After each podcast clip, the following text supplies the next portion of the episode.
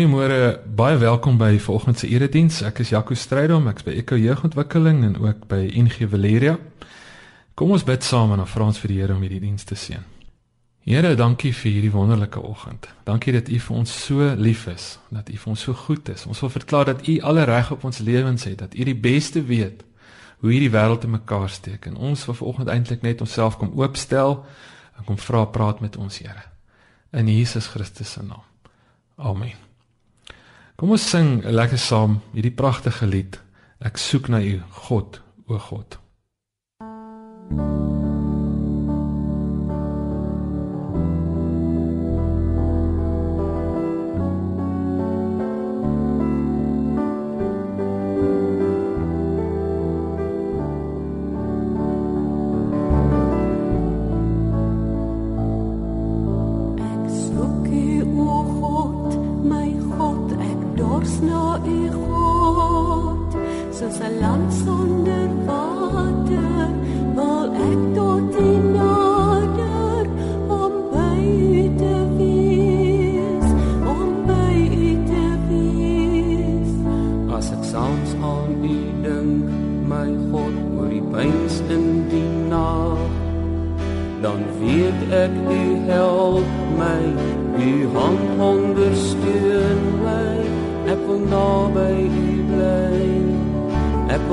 Ons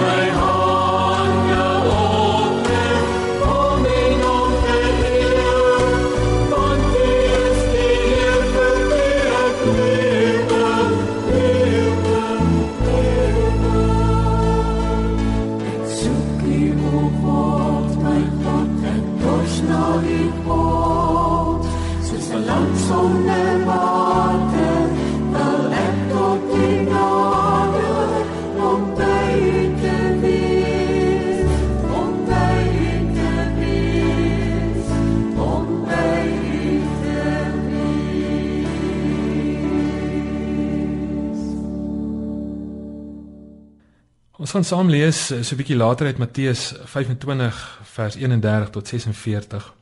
Die Bybel werk dikwels met ironie. Jesus het, het keer op keer en gebruik hy dit om om 'n punt te maak. Dink maar aan die verhaal van die barmhartige Samaritaan wat ons so goed ken, die man wat op pad was en toe geroof is deur 'n klomp rowers en aangerand is en vir dood agtergelaat is. Nou dis nie ironies wanneer rowers 'n man ag aanrand en of wanneer 'n klomp skelms jou beroof en vir die dood agterlaat nie. Dit is tipies wat hulle sou doen. Wat wel ironies is, is wanneer God se mense verbystap en nie betrokke raak en nie help nie. En dis ook ironies natuurlik wanneer die Samaritaan die mense op wie die Jode eintlik neergekyk het, dan nou die oues wat wat help. Dis 'n moeilike saak, die nood van mense. Dis in Suid-Afrika vreeslik aktuele ding ons. Ehm um, ons sien dit op die TV en ons sien dit langs die pad. Nou die dag luister ek 'n liedjie van Pink Floyd. Die liedjie se naam is Comfortably Numb. En ek wonder by myself, besef ons nog dat straatkinders kinders is? Of het ons ook afgestomp geraak, comfortably numb geraak? Wat gaan ons doen om nie afgestomp te raak nie? Wat gaan ons doen om eerder hierdie vlam van empatie wat ons tog weet God wil hê in ons harte moet brand in 'n plek met soveel nood om daai vlam te laat aanhou brand? Wat kan ons doen om te maak dat ons meer sal omgee nie meer apaties te raak nie, dat ons meer moeite sal doen en nie op sal gee met al die nood om ons nie. Ek wil jou 'n mooi storie vertel. Uh, ek noem die ou sommer Walter. Dis 'n verhaal van 'n 'n man wat op 'n dag by sy huis was en Dit was winter gewees en hy het televisie gekyk en vaak geword, dit was 'n Saterdagmiddag en toe raak hy in die slaap. En uh in sy bed geklim, 'n lekker middagslaapie gevang. En hy het die vreemdste droom gehad. Hy droom dat Jesus hom kontak. En uh, hy kon dit nie glo nie. Hy sê Here, wat 'n eer dat U my bel. En Jesus sê ek wil jou 'n groot eer aandoen. Ek wil graag by jou kom kuier. Walter kon dit nie glo nie. Hy het gesê Here, wanneer kom jy? Jesus het gesê verwag my binne die volgende uur. Hy het dadelik die foon neergesit en hy het die, die sitkamer toe gegaan en hy die sigaretstompies onder die tafel ingevee en die uh, bierblikke weggegooi en die lemoensap uitgehaal en sy Bybel afgestof en reg neergesit en sy hare gaan kam en ordentlik aangetrek en die volgende oomblik staan klop in die deur. Met groot verwagting maak hy die deur oop. O, oh, hy was so teleurgestel want hier staan 'n ou vroutkie wat bedel sy sê meneer my my shack het afgebrand uh in die brand nou die dag in die plakkerskamp en ek is ek het nie 'n huis nie, jy het nie dalk 'n buitekamer of 'n werkie of iets ek's desperaat enige manier. Hy sê mevrou ek verwag 'n baie belangrike gas nie vandag nie en hy maak die deur toe. Daar's 'n rukkie ehm um, begin hy wonder wanneer gaan Jesus nou kom en hy stap buite toe en hy dog miskien met hy miskien kom Jesus op die wolke dis dalk 'n baie mooi gebeurtenis en en hy kyk so links en regs en hy en hy hoor 'n geroggel en hy sien hierso kom 'n ou aan met 'n so regte kinkhoes en 'n been wat verbind is, 'n regte ou boemelaar. Die bloedsyfer deur die verband en en net toe hy hom iets wil vra, te draai om en hy stap liewer terug in die huis in. En hy het al hoe meer gefrustreerd geraak en na so rukkie gaan sit hy daar en die volgende oomblik is daar 'n klop by die agterdeur en hy dog, ja, tipies Jesus, hy gaan so op 'n manier kom wat ek hom nie verwag nie. Toe hy by die agterdeur kom en hy maak die agterdeur oop, toe staan 'n straatkind. Hy sê wat my maggies, wat gaan aan met julle vandag? En hy Oukie het 'n snotneus en stik in 'n hempie en hy staan na kaalvoete en bewe. Hy sê wat is dit met julle mense vandag? En hy slaan die deur toe. En hy uh gaan sit by die kombuistafel en die volgende oomblik lei die foon weer. En toe hy antwoord, dis dit weer Jesus. Hy sê Here, wanneer kom jy nou? En Jesus sê uh jammer Walter, ek was 3 keer daar. Ek dink nie ek gaan weer kom nie. Walter skrik wakker, dit was gelukkig net 'n droom en hy kry sy Bybel beet hy langs sy bed en deur die slaap maak hy hom oop en die Bybel val oop by Matteus 25 vers 31 tot 46 en hy lees hierdie aangrypende woorde wat Jesus gesê het. Kom ons lees dit. Wanneer die seun van die mens in sy majesteit kom en die engele saam met hom, sal hy op sy koninklike troon gaan sit en al die volke sal voor hom bymekaar gebring word en hy sal die mense van mekaar skei soos 'n wagter die skape van die bokke skei. Die skape sal hy regs en die bokke links van hom laat staan. Dan sal die koning vir die aan sy regterkant sê: "Kom julle wat deur my Vader geseën is, die koninkryk is van die skepping van die wêreld af vir julle voorberei. Neem dit as erfenis en besit, want ek was honger en julle het my iets gegee om te eet en ek was dors." En julle het my iets gegee om te drink. En ek was 'n vreemdeling en julle het my gehuisves en ek was sonder klere en julle het my klere gegee en siek en julle het my verpleeg en in die tronk en julle het my besoek. En dan sal die wat die wil van God gedoen het om vra Here wanneer het ons u honger gesien of u en u gevoed of dors en u iets gegee om te drink en wanneer het ons u 'n vreemdeling gesien en u gehuisves of sonder klere en vir u klere gegee? En wanneer het ons u siek gesien of in die tronk en u besoek? En die koning sal hulle antwoord Dit verseker ek julle. Vir sover julle dit aan een van die geringste van hierdie broers van my gedoen het, het julle dit aan my gedoen. Die teks gaan aan en jy kan gaan dit gerus verder lees. Maar kom ons lees net daai stukkie. As drie maniere waarop Jesus hierdie verskriklike passie wat hy het vir mense in fisiese en geestelike nood uh, beklemtoon. Die eerste een is dit speel natuurlik af op die oordeelsdag. Uh, dadelik het dit ons aandag En uh, mens kan maklik 'n idee kry en in die vraag vra maar beteken dit nou dat dat op die ou einde moet ek 'n klomp goeie dade doen om gered te word? Het hierdie mense nou hierdie armes en siekes en so aan versorg sodat hulle gered kan word? Dis mos ons glo dan eintlik in 'n God wat genadig is en so aan. Maar wanneer hy sê die skape word van die bokke geskei en jy kan duidelik sien wie sy kinders is of nie, dan dan gaan dit eintlik nie daaroor dat die ouens dit gedoen het sodat hulle gered sal word nie, maar dat dit eerder gewys het dat hulle gered is, dat hulle dalk eerder gedoen het wat hulle gedoen het omdat hulle kinders van God is. Nie nie sodat God hulle sal red nie, maar omdat hulle deel van God se mense is, omdat hulle omgee. Hulle het nie gedoen om God te beïndruk nie. Ons lees daar hulle hulle vra die vraag wanneer die Here dit vir hulle sê. Hy sê julle ek was honger en julle het my iets gegee om te eet en ek was dors en het my iets gegee om te drink. Dan kry jy die idee hierdie ouens het nie eens besef hulle doen dit vir God nie. Hulle sê Here, waar het ons u honger gesien? Here, waar het ons u dors gesien? Hulle het dit maar gedoen omdat die passie van God se gees, die barmhartigheid, die omgee, die liefde van Jesus in hulle harte was. Hulle het nie gedoen om iets te bereik nie, iets geesteliks nie. Maar omdat hulle omgegee het. Want God se mense is mense wat omgee. Dit dis die manier hoe jy hulle uitken. Ongeag of of hulle iets daarin is of nie. Dis asof hierdie teks kom sê die een ding waaraan God se mense op uitgeken kan word, is dat hulle mense is wat omgee en mense is wat betrokke raak.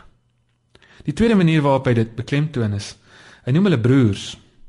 Teoloë verskil so bietjie hieroor. Daar's 'n klomp teoloë wat sê ehm um, uiteindelik hierso bedoel sy disippels. Hy het sy disippels hier laat staan. Hy het gesê hierdie ouens gaan honger wees en dors wees en sonder klere en in die tronk en so aan en jy het hulle besoek en dit gaan eintlik oor hulle. 'n Klomp ander teoloë meen dit was oor die algemeen bedoel mense wat swaar kry. En ek stem met hulle saam wat Jesus noem ook byvoorbeeld wanneer hy sê dat die kindertjies na my toe kom, noem hy hulle ook geringstes. En uh, en daar's dit tog nou definitief nie sy disippels waarvan hy praat nie. Maar hy bedoel oor die algemeen. Hy met broers dink ek sê hy eerder hoe hoe sterk sy verbondenheid is wat hy voel met hierdie mense. Ehm um, dis iets van hierdie hierdie matriek boetie wat in die skool kom en dan boelie die graad 9s of die graad 10s of die graad 11s of wat ook al. Dan boelie hulle sy sy graad 8 boetie. Sy net 6 boetie en dan en dan stap hierdie matriekbroer in en dan sê as jy hulle my boetie raak, dan raak jy hulle aan my. Iets daarvan. Wat Jesus sê maar ek verselwig my met hulle groepie. Ons is familie. Ek sien myself as as deel van die familie van mense wat swaar kry. Hulle is my mense. Hy gaan selfs verder. Dis die derde manier waarop hy dit beklemtoon. Hy sê nie net hulle is my broers nie. Hulle sê hy sê hulle is ek. Wat 'n gedagte dat God sê julle sal my ontmoet. Julle sal my teekom tussen mense in nood. Moeder Teresa het hierdie ding baie letterlik opgeneem. Sy het sy het altyd gesê daar's iets met misterieus van God se teenwoordigheid, van die teenwoordigheid van Christus wat sy in die sterwenis van Calcutta se oë gesien het. Dis hoekom sy dit doen. Sy het God raak geloop daar.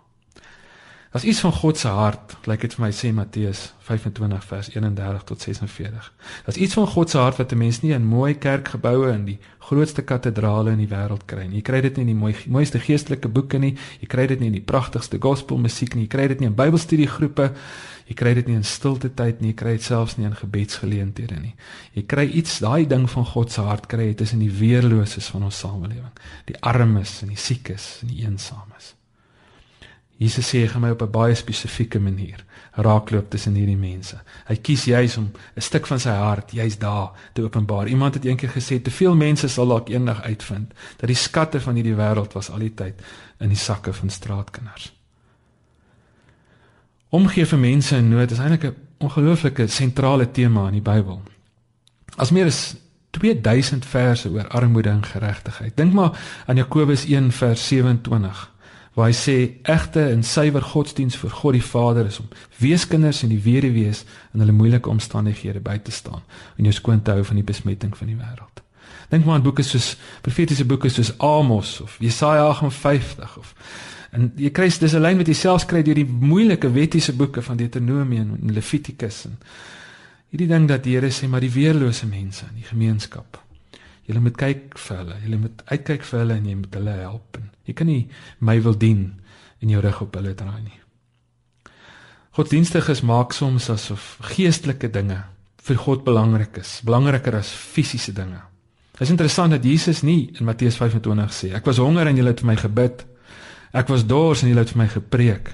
Ek was 'n vreemdeling en julle het 'n debat gehou of 'n bespreking gehou oor xenofobie of wat ook al. Hy vergeestelik nie die ding. Hy sê ek was honger en julle het iets prakties gedoen. Julle het vir my iets gegee om te eet. Ek was dors en julle het vir my iets gegee om te drink. Dis asof wanneer God iets op aarde wil regmaak, dan wil hy sy liggaam gebruik daarvoor. Dis sy gunsteling instrument. As iemand honger is, dan wil hy sy liggaam gebruik om vir daai ou brood te gee. En as iemand eensaam is, wil hy sy liggaam gebruik om 'n arm om daai persoon te sit. As iemand nie 'n huis het nie, dan wil hy sy liggaam gebruik om vir hom 'n huis te gee.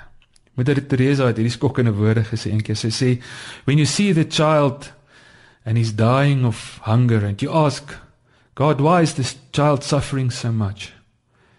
You will hear God whisper, "It is because you don't feed him." Dis 'n baie sentrale tema in die Bybel.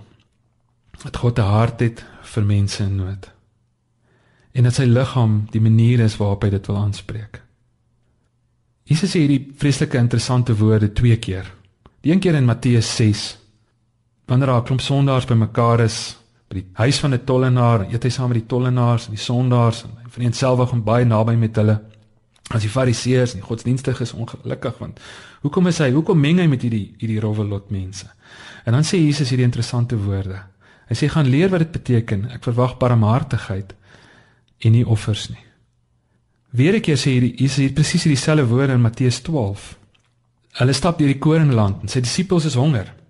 En dan pluk hulle van die koring op die Sabbatdag. Dan sê godsdienstige leiers ontstel. Dan sê hoe kan julle koring pluk op die Sabbat? En dan sê Jesus weer hierdie woorde. Hy sê gaan leer wat dit beteken ek verwag barmhartigheid in die offers nie. Dit is interessant wanneer ons daai selfde gebeurtelikheid kry in, in Markus dan sê Jesus die Sabbat is vir die mens gemaak en nie die mens vir die Sabbat nie. Maar hy sê gaan leer wat dit beteken ek verwag barmhartigheid in die offers nie. Daai dis in hierdie twee woorde die verskil tussen barmhartigheid en offers kry die verskil tussen hoe godsdienstige leiers en Jesus se tyd die fariseërs God geïnterpreteer het en God se wil teenoor hoe Jesus dit kom openbaar het. Hulle het dit gegaan oor offers, oor rituele, oor boetedoening, oor wette. Vir Jesus het dit gegaan oor mense. Hy het sy lewe gegee vir mense. Vir Jesus was die vraag nie doen jy al die regte godsdienstige goed nie. Die vraag was gee jy regtig om? Het jy regtig lief? Paulus sê as jy nie liefde het nie, is jy niks. Daar's hierdie ou teks in Jesaja 58 wat amper dieselfde sê. Wat sê dat die goed wat regtig vir God saak maak, is hoe jy jou werknemers behandel. Hoe jy maak met mense wat weerloos is en swaar kry. Of jy neerkyk op hulle, of jy hulle oordeel en of jy 'n stuk empatie in jou hart het vir hulle.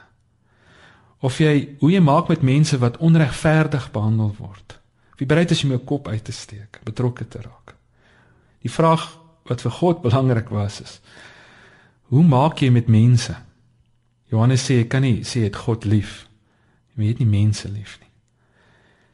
En kom ons lees hierdie teks in Jesaja 58. Dit sê dit so mooi, presies wat in Matteus 25 staan.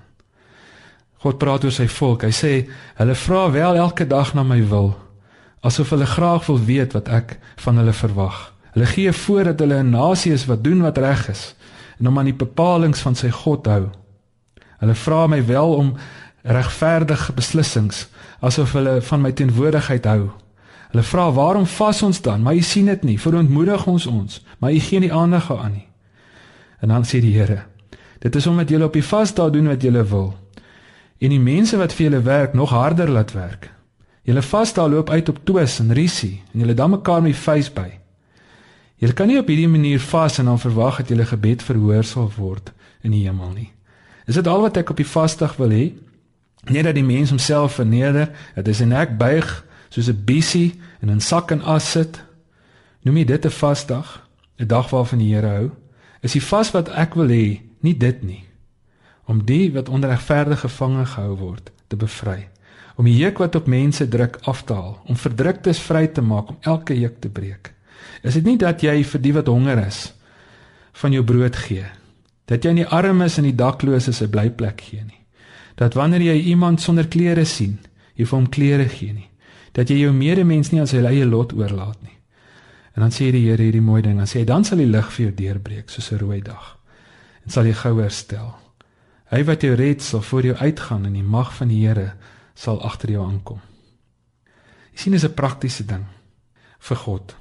As jy bewus word daarvan dat God vir jou lief is, dan is dit 'n ding wat deur jou sal vloei na ander mense toe. Dan sal sal jou lewe vir ander mense ook sê dat God vir hulle lief is. Dan sal jy sy hande en voete raak. Dan sal jou werknemers beleef dat God vir hulle lief is, want sy liggaam is vir hulle lief. Dan sal die ou wat onregverdig behandel word en die ou wat swaar kry beleef dat God vir hom lief is. Ons besef dit, dink ek dink as baie min van ons wat nie weet dat die Here wil hê ons moet omgee vir mense in nood nie. Maar wat beteken dit prakties? Wat is wanneer dit prakties raak wanneer dit 'n komplekse saak word? Van die die nood om ons is so ingewikkeld. Baie van ons voel eenvoudig so oorweldig deur die nood van mense. Mense sal sê maar ek kan nie almal help nie. Moet ek nou vir elke kind tot verbykom 'n minstuk skiet? Met dit Reza het eendag gesê if you can't help 100 then help one. En miskien is dit 'n beginsel waarna ou kan vashou. Ons moet sê, maar ons kan nie almal help nie, maar miskien kan ons regtig bid en vir die Here vra vir wie kan ons dalk help en dat ons dan daai ou ordentlik help in 'n genuine lang pad stap met iemand in nood. Dat ons nie wanneer ons sê ons kan nie almal help nie, dat ons daarmee sê ons kan niemand help nie. Maar dat elkeen van ons dalk iemand help. Kan jy dink as elke Christen in Suid-Afrika ten minste met een ou in nood of 'n paar mense in nood 'n regte langtermyn pad stap? Die probleem is natuurlik, een van die goed wat dit kompliseer is, is die mense wat oor ons pad kom wat wil hê ons moet hulle dra maar hulle kan self loop. Ons het by Echo seker bordjies op in ons huise wat sê iemand wat nie werk nie moet ook nie eet nie. Dis woorde wat Paulus gesê het. En ek dink dis wat die Here van ons vra nie. Die probleem is dat baie van ons leef so geïsoleerd van die nood dat die enigste ouens met wie ons kontak kry is die ou wat by die huis omkom. Baie keer dikwels mense wat nie wil werk nie, nie mense wat nie kan werk nie. En daarom is is die een van die belangrikste goed wat ek dink ons moet doen is om die afstand te oorbrug. Daar's natuurlik van daai mense wat ook in regte nood is. Maar dat ons nie net altyd die nood wat na ons kant toe kom nie, maar dat sal hanteer nie, maar dat ons ek wens so mense sal uitkom by die genuine, regte, harde nood uh, wat op die statistiek van ons land wys. Maar dit vra dat ons 'n groot brug sal oorsteek. Ek bedoel ons kan ons kan sê daar's mense wat wil hê ons moet hulle dra, maar hulle kan eintlik self loop. As mense wat wat nie wil werk nie en, en moet ek nou vir hulle sorg, maar ons kan nie dieselfde sê van ou mense nie.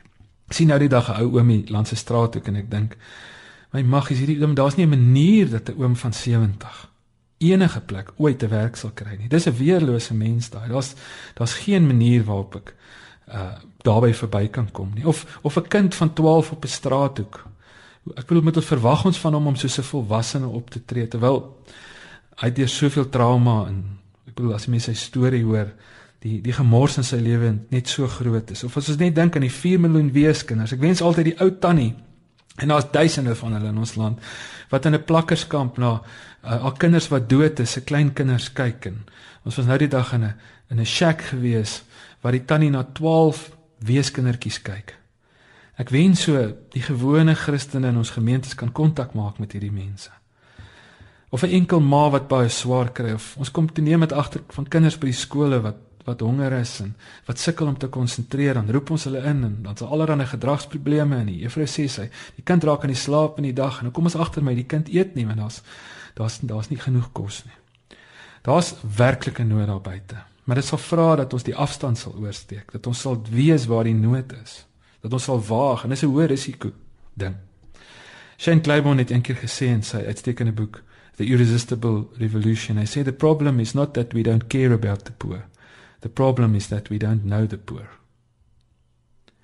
Ons het by Echo so spreekwoord wat sê omgee word gespel M O E I T E. Omgee word gespel moeite.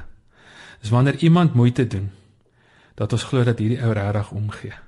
Ons is mos almal so en ons luister ook eerder na iemand wat omgee as iemand wat ons oordeel. Waar begin ons? Miskien kan ons begin deur anders te bid. Ek wil 'n storie vertel van 'n interessante ou wat ek eendag raak geloop het. Die ou was 'n rekkie of 'n koevoet of 'n een van die spesmagte gewees jare terug in die weermag en later in sy lewe toe kom hy tot bekering. En toe hy tot bekering kom, toe hy wild vir die Here. Hy het hierdie hierdie snaakse ding gehad dat as daar 'n klomp mense saam met hom in 'n lift is dan dan sê hy vir hulle hierdie lift gaan nou op met die huispak maak hy hulle so stil jy weet ongemaklik is dit partykeer in 'n huispak en dan sê hy maar sien nou die kabel breek en die lift gaan nou af gaan jy op of gaan jy af so was 'n baie vreemde ou gewees maar hy het ietsie van die koninkryk van God verstaan en hy vertel my eendag die Die storie van die die vrou wat uh die gebedsgeleentheid waarheen hy genooi is met 'n klomp besigheidsmense. Hy sê was 15 besigheidsmense bymekaar.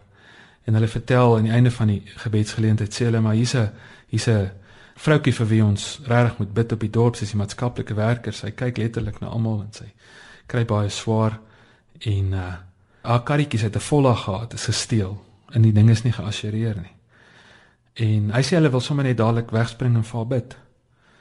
Hy sê toe, "Wow, hoe wil julle net uh, bid? Verwag julle dat die Here 'n kar uit die hemel uit gaan issue?" Hy sê, "Maar dan moet ons op sy staan." Hulle kyk hom snaaks aan hierdie besigheidsmanne. Hulle sê nee, maar ons moet mos bid. Hy sê ja, maar kom ek leer vir julle 'n gebed en ek glo God gaan dit antwoord en hy quote daai vers in Jakobus wat sê julle kry nie omdat julle bid nie en as julle bid dan kry julle nie omdat julle net julle eie selfsugtige begeertes wil bevredig. Hy sê hy vir julle vandag 'n gebed leer en ek waarborg julle God gaan dit antwoord. En hy uh, hy sê kom ons hoor gou hoeveel karre is hier. Hy sê hy kan dit nie glo nie, maar tussen hierdie 15 besigheidsmense is hier 45 karre. Hy sê ek gaan vir julle vandag 'n gebed leer en ek waarborg julle God gaan dit antwoord. Hy sê ons gaan vandag vir die Here vra. Ons gaan bid en ons gaan vir hom vra wie moet vir haar kar gee. En hy sê nie halfuur gebid nie. Toe antwoord die Here daai gebed. En ook jy dink nou sou Saartjie die maatskaplike werkertjie wie so volg gesteel is, is daar na 'n woonstelletjie besig om te bid. En sy skryf 'n klaaglied voor God en die volgende oomblik is daar hierdie vreemde man wat aan haar deur klop. Toe sy oopmaak, sê hy nie kom ons neem gou-gou 'n fotootjie vir Instagram en uh vir die sendingblad toe wat ook al nie. Hy skien net vir haar sleutels van sy nuwe kar en hy sê dis van God af ek stuur die papiere. En nou kan ek net dink hoe sy op haar knieë gegaan het daai aand en gesê die Here, dankie dat U my gebed gehoor het. Haar gebed is beantwoord omdat God se mense aangemeld het vir diens. Ou denker gesê gebed is nie in die eerste plek 'n poging om God se wil te verander nie. Dis eerder 'n poging om God se wil te leer ken. Dis om aan te meld vir diens. Kan jy dink watter ander plek Suid-Afrika môre sal wees as elke Christen aanmeld vir diens? Ek dink daar's 'n klomp goed wat ons van God vra in hierdie land wat hy eintlik van ons vra.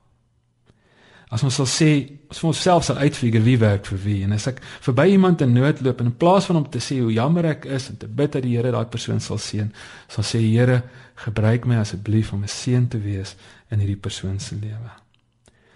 Ons is so geseën in hierdie land. Die vraag is, kan ek bid dat die Here my meer en meer sal seën as ek nie 'n seën is met dit waarmee ek reeds geseën is. Die idee is nie dat ons hierdie damme sal wees wat God se seën opvang nie, maar dat ons riviere sal wees waardeur God se seën vloei. Die heel eerste ding wat ons lees is dat die Here vir Abraham sê, ek sal jou seën sodat ander mense deur jou geseën sal wees.